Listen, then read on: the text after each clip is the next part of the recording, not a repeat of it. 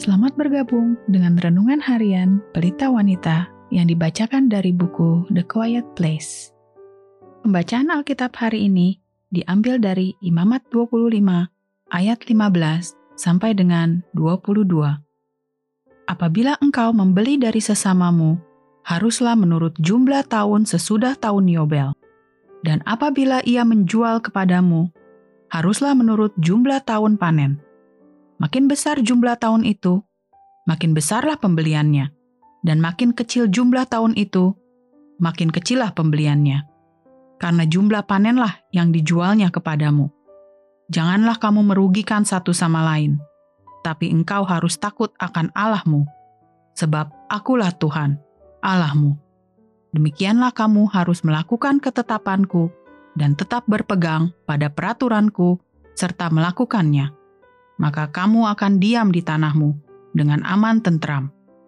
Tanah itu akan memberi hasilnya, dan kamu akan makan sampai kenyang dan diam di sana dengan aman tentram. Apabila kamu bertanya, apakah yang akan kami makan dalam tahun yang ketujuh itu? Bukankah kami tidak boleh menabur dan tidak boleh mengumpulkan hasil tanah kami? Maka aku akan memerintahkan berkatku kepadamu dalam tahun yang keenam supaya diberinya hasil untuk tiga tahun. Dalam tahun yang kedelapan, kamu akan menabur. Tetapi, kamu akan makan dari hasil yang lama sampai pada tahun yang kesembilan. Sampai masuk hasilnya, kamu akan memakan yang lama. Ayat kunci hari ini adalah dari Imamat 25 ayat 17.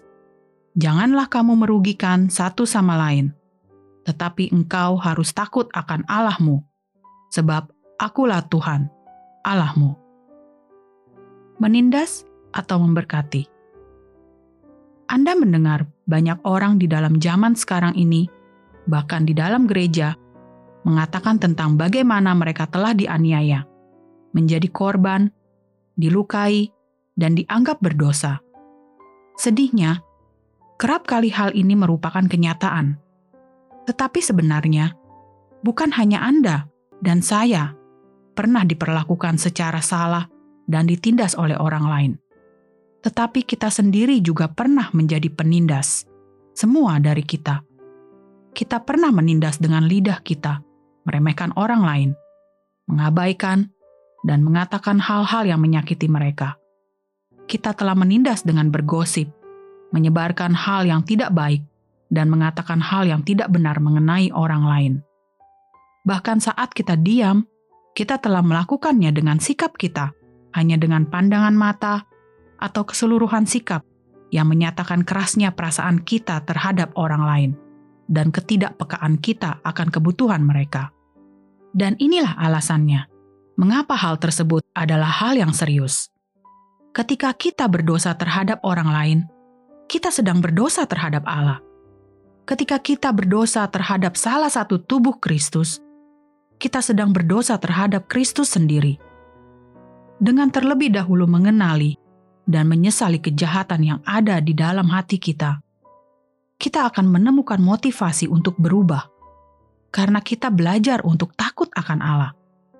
Hidup dengan terus menyadari bahwa Allah ada di sini.